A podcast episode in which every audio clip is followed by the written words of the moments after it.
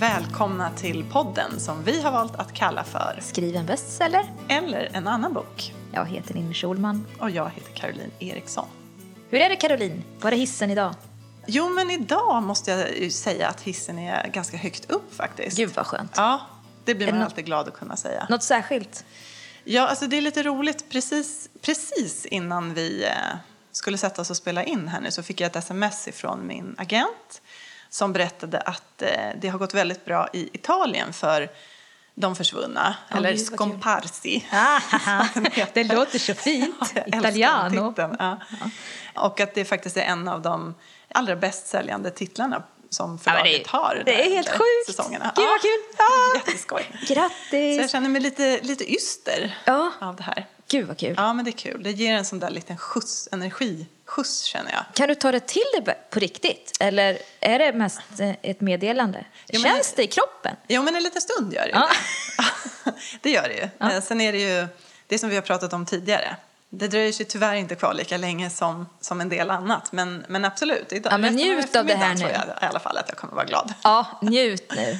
Ja. Det är ju helt sjukt. Ja, det är jättekul. När får du åka dit? Ja, jag hoppas så här till nästa sommar eller någonting. Ja. Nej, jag vet inte. Det blir nog inte riktigt så. Men eh, det känns i alla fall roligt. Ja, kul. alltid något. Skrivet då? Eh, skrivet går också bra. Det satt jag också höll på med ända in i kaklet här tills vi skulle ses. Så att jag och skrev och, hade ett jätteskönt flyt. Det är ju så lustfyllt när man har det. Men sen är jag ju i en fas som är lite speciell nu. Som jag har berättat tidigare så hade jag lämnat in manus till förläggare och agent. För, Eller inte hela manuset, men första hundra sidorna.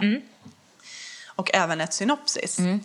Så har jag pratat liksom, och fått eh, återkoppling och tankar eh, ifrån min förläggare. Och eh, ja, utifrån de samtal som jag har haft med honom så känner jag ju själv också att eh, det är ett läge nu där jag behöver eh, skala av faktiskt. Jag nämnde i ett tidigare avsnitt att jag hade flera berättarperspektiv och jag jobbade med tidshopp och, och sådär. Det eh, var spännande i sig, men jag, jag kände att när jag, när jag verkligen satte mig ner och, och liksom skärskådade vad är det den här historien egentligen handlar om? Vad är, vad är det som från början var viktigt för mig? Eh, vad var det jag ville berätta?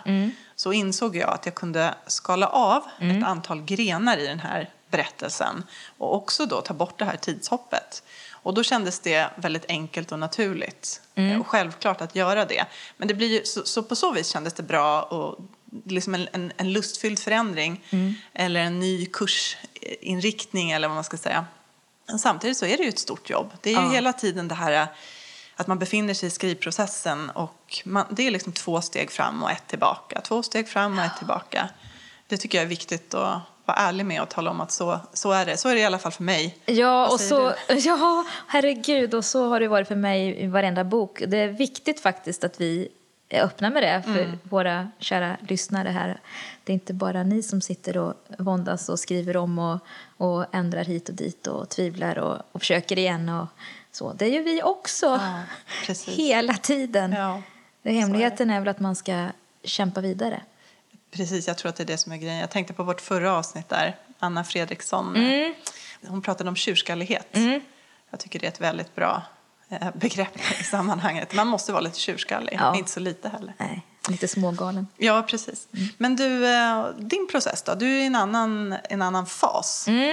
Du eh, håller på och funderar på idéer och synopsis. Och Ja. Berätta lite för oss var, var du är just nu. Jag har ju, som jag nämnde för några avsnitt sen så har jag eh, köpt nu Final Draft, det här programmet som man kan eh, flytta på digitala post-it-lappar fram och tillbaka.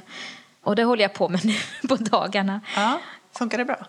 Ja, men det tycker jag att det gör. Sen så, sen så eh, har jag haft lite tvivel på min, mina idéer. Det kommer olika idéer och det har varit lite rörigt. Men det är en idé som jag hela tiden återkommer till. I alla fall, som är min, mitt grundspår.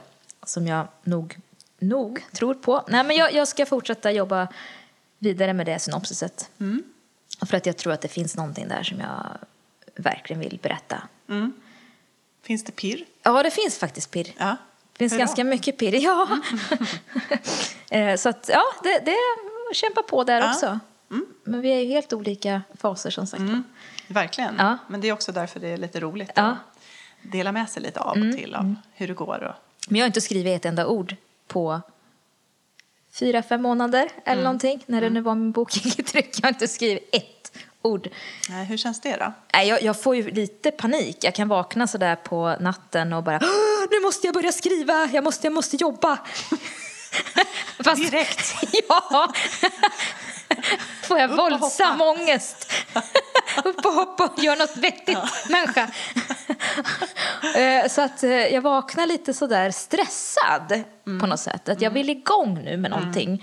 Jag trivs ändå bäst, även om jag inte tror det sen kanske, så trivs jag ju bäst med att vakna på morgonen och veta att jag har min skrivkvot som ska fyllas på något sätt. Och, och sen när dagen är slut så är man nöjd med det och, och vaknar nästa dag och fortsätter. Det, den rytmen trivs jag med. Jag gillar inte att gå och fundera så mycket som jag har gjort nu de senaste veckorna. Det, det är härligt när man kommer på saker men det är skönt när man har lagt ett spår som man, som man är inne på. Ja, verkligen. Men skrivandet är ju... Att skriva, att vara inne i ett manus, det är ju själva navet i det Ja. vi gör. Det är dit man hela tiden någonstans Ja. vill tillbaka. Ja, det är dit jag vill nu. Och jag, jag är nog nä- nästan där nu Ja. faktiskt. Ja. Härligt. Ja.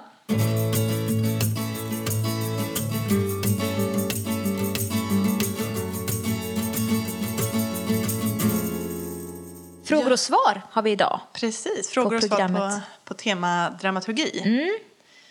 Ska vi börja med, vi har ju fått eh, några frågor, det är jättekul när ni hör av er. vi är verkligen jätteglada för kontakten med er. Eh, vi har fått en fråga som vi tänkte börja med, som har kommit i ett sånt här privat meddelande. Ni har flera gånger nämnt att det finns olika dramaturgiska modeller. Kan ni nämna några av dem och vilka är era favoriter? Det finns ju väldigt många dramaturgiska modeller. Ja, det gör det ska vi bara säga. Vi kan ju Ja, inte vi pratar ju ganska, nej, vi pratar ju ganska mycket med Anna om den här treaktsmodellen i förra avsnittet. Så om ni inte har hört det så eh, rekommenderar vi det verkligen. Mm. Men det finns ju den här klassiska dramaturgiska modellen som är någon sorts utgångspunkt som hänger kvar sedan de gamla grekerna i, i, som funkar på nästan allt historieberättande som har då några olika delar. Det börjar med ett anslag där man beskriver förväntningar som väcks och en huvudkonflikt som anas. Och så kommer det sen en presentation där man eh, skriver fakta kring huvudkonflikten och, och sammanfattar karaktärernas eh, drivkrafter och sådär. Och sen är det en fördjupning där de här huvudpersonerna och ett motstånd, antagonister, eh, presenteras. Men det som vi pratade om lite emellan poddandet här, Ja. att det behöver ju inte vara en hjälte och en, fi, en, en klassisk fiende som är antagonisten, utan det kan ju också vara en storm som är på väg in eller inre tvivel eller vad som helst. Nå, något motstånd som gör att det är svårt att, att nå det här målet. Och sen sker en upptrappning när tempot ökar och konflikterna trappas upp. Och sen till slut så når man ett klimax då när allting ställs på sin spets. Men sen så ska man också ha med en avrundning, är väldigt viktigt. Lugnet efter stormen. Man landar i en känsla av sorg eller triumf eller någonting, någon, någon typ av En någon- känsla. en- Ja, en slutsats av allting. Och sen så ska man också då gå tillbaka till berättelsens premiss. Där man förklarar då berättelsens budskap, till exempel att brott inte lönar sig eller att kärleken övervinner allt eller vad man nu vill berätta med sin historia. Att, att man knyter ihop det på slutet också. Och sen punkt åtta i den här modellen är en överraskning. För att om man bara går enligt den här modellen och inte gör något, något eget så blir det lite platt. Så att åtta är en, en liten egen sak. Aha, Eh, sätta sin egen prägel på... Ja, att man gör en extra Ja. twist. Att kanske hjälten och hjältinnan gifter sig eller antagonisten och hjälten gifter sig till exempel. Eller att det var hjälten som var skurken eller man vänder på någonting Mm. ytterligare ett varv som får publiken då att haja till lite extra. Eller att man tar bort någon av de här bitarna Mm. för att göra något helt eget av det. Men jag tycker att det är en ganska fin modell att titta på och försöka få in sina scener i Mm. och, och man vet vad man utgår ifrån och vad man leker med Ja, precis. för något. Och det är en klassisk modell. Det är en klassisk modell. Det finns en anledning till det. Ja, Mm. så ska man börja grotta ner sig i de här modellerna så kan man ju börja där någonstans. Det är en bra start. Ja. Ja. Jag tänkte berätta lite om... eh, Vi sitter ju ändå i en podd som, som trots allt... Namnet förpliktigar lite grann. Jag tänker på det här med att skriva en bestseller. Vi förhåller oss lite humoristiskt till det. Men det finns faktiskt en modell som heter The Hollywood Formula. Och då tycker jag det kan vara lite roligt att prata Kan det om. gå fel då? när vi ändå är på temat bestsellers. Det här är ju egentligen en eh, modell som, som vad jag förstår härstammar ur filmskapande i första hand. Men jag tycker att ofta kan man lära sig ganska mycket av den typen av dramaturgi även när man skriver böcker. Den är väldigt tydlig och, och lite amerikansk i sitt upplägg. Det går ut på att det finns tre huvudkaraktärer. Det Vi har då vår protagonist, alltså hjälten eller hjältinnan eller vad vi nu väljer att kalla det. Och den här personen är någon som vill någonting. Och det där som han eller hon vill, det måste vara ganska specifikt. Det ska inte vara så fluffigt. Det räcker liksom inte med att säga att ah, han vill ha kärlek eller eh, vill bli älskad eller vill ha makt eller så. Utan det måste vara spesat, liksom, konkret. Va, vem Han vill bli president. i det här landet Ja, eller så. Ja. i- ja. Precis, så att det liksom är så konkret som möjligt. Och sen finns det då också en antagonist. Och antagonisten är då personen som placerar hinder i den här antagonistens väg. Alltså som hindrar att antagonisten kan nå det här målet, det som, som han eller hon vill. Och precis som du sa så är det ju då viktigt att den här antagonisten behöver inte alltid vara den så kallade bad guy då. Det klassiska exemplet är den här Batman-filmen The Dark Knight där Heath Ledger är med och spelar Jokern. Ska man då snabbt försöka gissa då vem är antagonist och vem är protagonist i den här filmen? Ja, då, det är ganska givet att det är Batman då, eller Bruce Wayne som är protagonisten. Och så tror många att eh, antagonisten är Jokern. Men så som, som filmmakarna har resonerat om det här, i alla fall jag har hört någon, någon diskussion om det här, så säger de att nej men så är det inte. Utan antagonisten är i själva verket eh, den här åklagaren som är med, Harvey Dent, alltså den här Two-Face heter väl hans karaktär också. sen. Därför att det Batman vill, Batman som är vår protagonist, han vill sluta han vill sluta liksom vara Batman. Han vill inte behövas längre. Han vill liksom göra sig själv onödig. Men den här Harvey Dent vill ju att han ska fortsätta. Och alltså är det han som står i vägen då för Batman. Medan Jokern är någonting som då kallas för relationship character eller dynamisk karaktär som är den tredje viktiga karaktären i historien. Och den går mer ut på då, det är någon som den här protagonisten kan relatera till, som den har någonting gemensamt med. Någon som har gått före, eh, om man säger, som kanske har erfarenheter som är liknande eller så. En liten sidekick. En liten, ja, det behöver inte vara en sidekick, men kan vara det. Någon, någon som, kanske någon förtrogen, men det behöver inte heller vara det. I fallet med Batman och Jokern så har- har ju de ingen förtrolighet emellan sig, men de har ju ändå någonting gemensamt. De är liksom jag tror att de också har några repliker kring det i den här filmen. Jag är inte expert, men att, att de är liksom freaks båda två. Alltså de är outsiders. Det är därför då som Jokern är egentligen en, en relationship character snarare än, en, än en antagonist. Så jag ty, tycker det är lite spännande. Man kan ju tycka olika om det där, men det är ändå viktigt att fundera på vem är egentligen antagonisten? Vem, vem vill motsatsen mot vad huvudpersonen vill? Sen är då själva modellen går ut på då, den är, det är ju egentligen en variation av, eh, eller en variant av den här treaktsmodellen med tre akter och eh, där man eh, i första akten etablerar karaktärer och precis som Anna var inne på, man går in på vad är deras mål, vad är det de vill. Sen då i ungefär fram till hälften av manuset så ställer man frågor, lägger ut frågor och ungefär andra halvan av manuset så börjar man besvara de här frågorna. Och tredje akten, avslutningen, är liksom den här sista kampen då från det här, det här lågvattenmärket, det här absoluta botten som huvudpersonen befinner sig på. Där det verkar som att man är så långt ifrån att nå sitt mål som man överhuvudtaget kan vara. Och sen så är då akt tre en, en upplösning. Och sen då enligt den här modellen så är filmen, eller i det här fallet boken, slut. Antingen då när protagonisten, hjälten, har nått sitt mål eller då inte nått alltså blivit förgjord på ett eller annat sätt helt enkelt. Man har besegrat den här antagonisten och eh, på något vis också fått en eh, försoning med eller en, en gemenskap med den här relationship character som den heter. Då. Mm.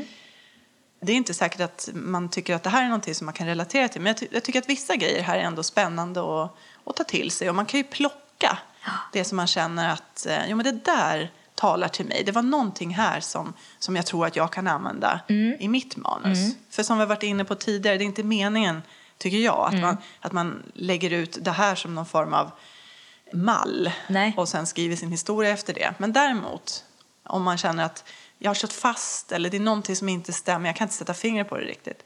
Så kan man använda det här och se, finns det någonting i någon av de här dramaturgiska modellerna mm. som kanske Men det är ju ett sätt att analysera det man själv håller på ja, med. Visst. Se det på lite utifrån. Sådär. Mm.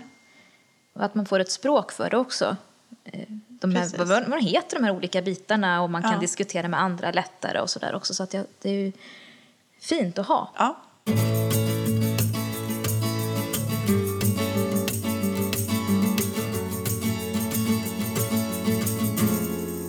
Ja, så har vi fått också fler frågor från våra fina lyssnare. Mikael skriver att han tänker skriva en feelgood-bok. Men att han har svårt att eh, hitta det där drivet för att få en historia i det. Det ska inte bara vara rart och, och gulligt hela tiden utan vad, hur, hur får man den här kurvan i en feelgood-bok? Alltså det är väl återigen, i alla berättelser så måste det ändå finnas någon konflikt. Mm. Eh, man kan landa i att det är en feelgood berättelse, det vill säga en berättelse som lämnar läsaren med en känsla av värme eller glädje eller mysigt. Liksom. Men det är ju oftast därför att det har inträffat, eh, det har varit trassligt eller krångligt på vägen mm. dit. Mm det, det, det, blir ju ett tillfredsställande slut därför att vi som läsare har fått med, varit med under strapatserna som mm. föregick det här. Mm. Så jag tycker att man eh, ska nog tänka på att även om man vill skriva en feelgood-historia så finns det någonting, det finns någon person för att använda oss av den här Hollywood-formula. Det finns någon som vill något och så finns det en annan person som vill motsatsen någon som lägger hinder i vägen.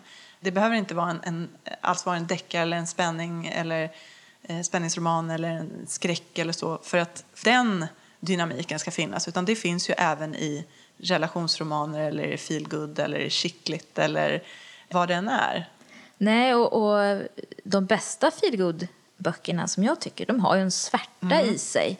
De, de väjer ju inte för sjukdom och, och död och begravning. Mm. Mm. Eh, och sen så jobbar man sig ur det här, man får en känsla för huvudpersonen som jobbar sig till något bättre. Om man vill ha lite spänning i en feelgood så kan man ju, man ska söka rätt på någon eller vinna någon tävling eller mm. man kan ju lägga in något sånt mm. tema att något står på spel. Liksom. Ja, just det. Någonting som gör att läsaren undrar hur ska det här gå? Då? Ja. Ska personen i fråga lyckas? Ja, ska personen lyckas? Ska personen våga mm. den här, anta den här utmaningen? Mm. Man får fundera över sin, sin huvudperson, tror jag, vad, mm. på riktigt vad drivkrafterna är och sen lägga hindren där ja. så att man känner stark sympati. För det är det, tror jag, som är feelgood, att man, man verkligen tycker om huvudpersonen mm. Mm. Och, och vill dens väl. Mm. Och då ska det verkligen inte vara, vara lätt för personen. Nej. Nej, precis. Det måste Utan finnas, ju, ju svårare det blir för personen, desto mm. mer tycker man om den. Som ja, precis. Och desto mer gläds man när ja. slutet blir lyckligt. Ja. glädjen blir ju starkare då mm. när man tänker att oh, allt som de har fått gå igenom ja. och de misslyckades och det, det blev missförstånd och, och liksom det, det, blev inte alls som de hade tänkt sig. Men oh, sen kan vi andas ut och, och glädjen och, och liksom den här tillfredsställelsen blir så mycket större just på grund av de här ja. eh, tillkortakommandena eller misslyckandena eller så, bakslagen längs vägen. Så det, det finns ju mycket att välja på faktiskt. Mm. Men det är lätt tror jag att man tänker att feelgood ska vara någonting glatt rakt igenom. Men det tycker inte jag. Nej, Och de bästa är ju inte så. nej precis. Så in i ångesten bara. In i ångesten. Pytsa in lite ångest även i feelgood. Ångest och sorg. Ja. Det är bra.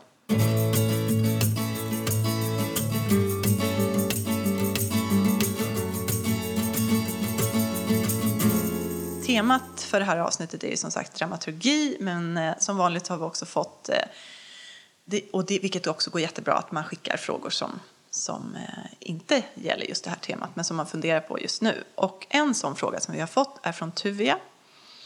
Tuvia undrar egentligen arbetsgången när man har ett färdigt manus.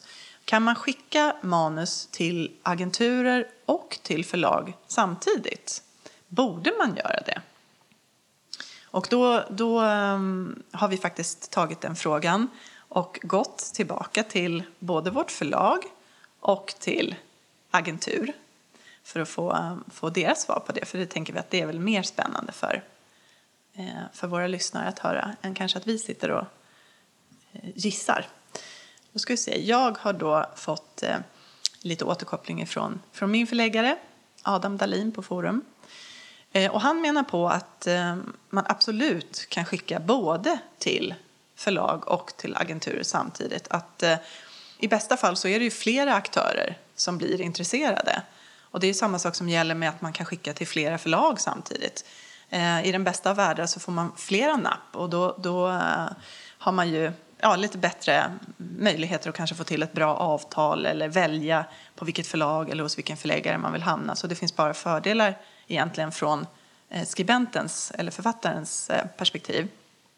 Och att förlaget, eh, det är han också noga med att poängtera, de har också ett bra samarbete med nästan alla etablerade agenter. Det funkar också så att säga. Om det kommer från agenturen så, så är det också någonting som kan få dem intresserade från förlagets sida. Så att, vilket som, skicka till alla som ni tror kan vara intresserade. Kan vi liksom säga att hans svar egentligen handlar om. Vad säger eh, Susanne på Ja. Hedlund? Eller Magdalena Hedlund är det Magdalena. faktiskt. Men det är svar från hela agenturen. Hedlund Agency. De är väl inne på, på lite samma linje egentligen att, att man kan skicka till vem som helst eh, först. Det, det går. Men om man är opublicerad sen tidigare och skickar ett manus som behöver redigering det måste man ju sig känna själv om ens manus behöver redigering. Och vi rekommenderar ju inte att man skickar manus som behöver jättemycket redigering någonstans. Utan speciellt inte om man är, Nej. man är ny. Då, då ska det ju vara så bra som man någonsin kan göra det. Men om det är så att agenturen inser eller anser att manuset behöver redigeras och behöver lägga ut det jobbet på någon extern redaktör eh, så kostar det en del pengar vilket är svårt att få tillbaka för agenturen sen då. Så att det, de, de ser det som att det är bättre att författaren gör sin redigering tillsammans med en redaktör på det förlag där boken ska ges ut. Men de eh, bistår jättegärna med tips på, på förläggare och förlag som kan passa en viss typ av bok och kan också ge utlåtanden och manus och sådär. För det är ju så att, eh, precis som Adam också sa, att samarbetet mellan agenturerna och förlagen är ju bra. Eh, och människorna på förlaget vet att agenterna läser väldigt mycket och är väldigt uppriktiga. Säger de att det här är bra så, så är det väldigt positivt för manuset. Det, det blir en gräddfil in, eh, så mycket kan man ju säga. Men hon påpekar också det att det är viktigt att man som författare ser över också vilka förlag som finns och utgivningen som, som finns eh, på respektive förlag så att man som författare hittar rätt person. Man ska hitta sin förläggare som, som väntar på just mitt manus. Hellre det än kanske skicka runt det överallt. Utan eh, om det är någon författare man gillar så, och känner sig lite besläktad med så eh, kan man ta reda på vem, vem, vilken förläggare ligger bakom det här och så kan man skicka det till den personen. Lite nyansskillnad där Lite svar, nyansskillnad, alltså. Mm. ja. Mm. Så det beror på. Då får man får man fundera lite. Men, men det finns inget välja. egentligen ajabaja, så får man inte göra. Så kan Nej, man säga. Så kan man säga. Precis. Ja. Utan, eh, man får känna in vad som är rätt för en själv kanske Ja. och ens manus. Ja. Men vårt råd är väl att redigera själva så mycket det bara går. Ta hjälp av, verkligen. av eh, personer ni, ni litar på i er egen närhet. Eller, försök att, ja, eller försök att, att ragga någon som vill läsa via vår Facebook-sida. kanske finns någon som, som kan tänka sig att att ge feedback av någon annan. För det lär man sig ju mycket på också. Men att man gör så mycket jobb som möjligt innan man skickar det någonstans. För, för att skicka in samma manus i olika varianter gång på gång, det tror jag inte man vinner så mycket på. Utan som förläggare och, och agent vill man ha den där wow-upplevelsen. Mm. Jag tror också att det är lätt att bli för ivrig. Mm. Jag talar lite faktiskt av e- egen erfarenhet. Alltså jag har ju berättat tidigare att jag skrev två manus som, som blev refuserade innan jag sen blev publicerad. Och jag tror att med det allra första av dem så, så var jag alldeles för ivrig. Jag tyckte liksom att nu var jag färdig. Ja. Jag hade skrivit eh, hela texten eh, klar. Ja. Och så skickade jag in den och så fick jag, och då, och då hade jag i och för sig tur då, eller vad man ska säga, för att jag fick inte bara så här vanliga standard nej tack. Jag fick något också som var lite att det hade gått lite längre och det var något de hade skickat till någon le- lektör och de hade själva liksom lite synpunkter. Då gjorde jag ju bearbetningar utifrån det där. Men jag insåg ju då att det hade varit mycket bättre om jag hade gjort den vändan själv en gång till. Då Ja. hade det manuset haft en mycket större chans, eh, tror jag, och känts mer intressant för dem Ja. att titta på. Så det är någonting, och, det, och jag tror att det berodde på att jag var så ivrig. Jag tyckte att nu är jag ju färdig och, Ja. och gud vad det här känns bra och nu vill jag att någon ska titta på det och, och tänka om de säger ja. Men man ska komma ihåg, det är ingen brådska. Ett Nej. bra manus, ett riktigt bra manus är alltid av intresse, eh, av intresse Mm. för både förläggare och agenturer. Och då har det egentligen ingen betydelse om, om jag skickar in det nu eller om sex månader. Nej. Se till istället att det blir det allra, allra bästa manuset som, som du kan liksom, fixa.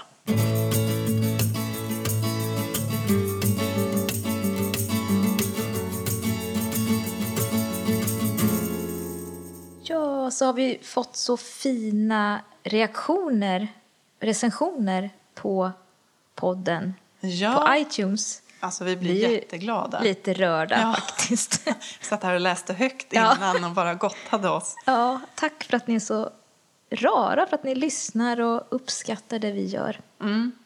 Det, är betyder härligt. jättemycket. Och fortsätt att höra av er på olika vis. Mm, precis. Mata på med frågor eller kommentarer eller ja, egna tankar om vad ni vill att vi tar upp eller vad ni tycker att vi... Jag tycker det skulle vara kul att läsa era erfarenheter av just manusinskickningar och, och respons från förlag och sådär. Det vore kul. Ja, för det är en fråga som, som liksom återkommer hela Ja. tiden. Så att det vore jättespännande att höra vad det finns för erfarenheter där ute. Mm, precis. Och vi har vår Facebook-sida som sagt, skriv en bestseller eller en annan bok. Där kan ni hitta oss. Ni kan också hitta oss på Instagram. Där vi har varsitt privatkonto. Och därmed så avslutar vi faktiskt tema eller fasen som vi har kallat för dramaturgi. Och att vi avslutar någonting betyder också att vi påbörjar någonting annat. I det här fallet då, nästa månad eller nästa sjok kommer att handla om akt 1, berättelsens början. Det ska bli jättekul tycker jag. Mm, verkligen. Jag har En- massor med tankar och Ja. funderingar. Ja. Vikt, ett viktigt eh, tema. Alla teman är i och för sig viktiga, men, Ja. men att börja en berättelse är svårt och mycket står på spel där. Verkligen. Ja. Det är där man liksom hovar in läsaren. Ja. Eller misslyckas med att hova in. Så det ska vi grotta ner oss i. Jajamän. Och det ser vi fram emot. Innan vi slutar så ska vi såklart tacka, som vanligt, Timmy Strandberg på poddbyrån. Och Josh Woodward som vi lånar musiken av.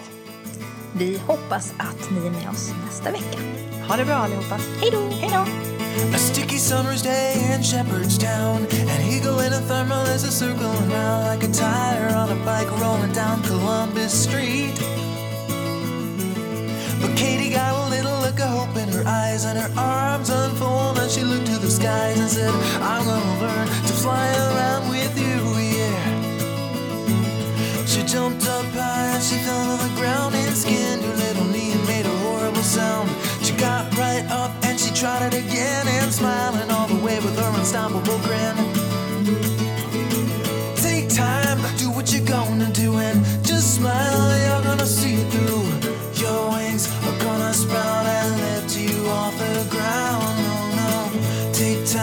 Do what you're gonna do. Just smile, you're gonna see it through. Your wings are gonna sprout and you will learn to fly.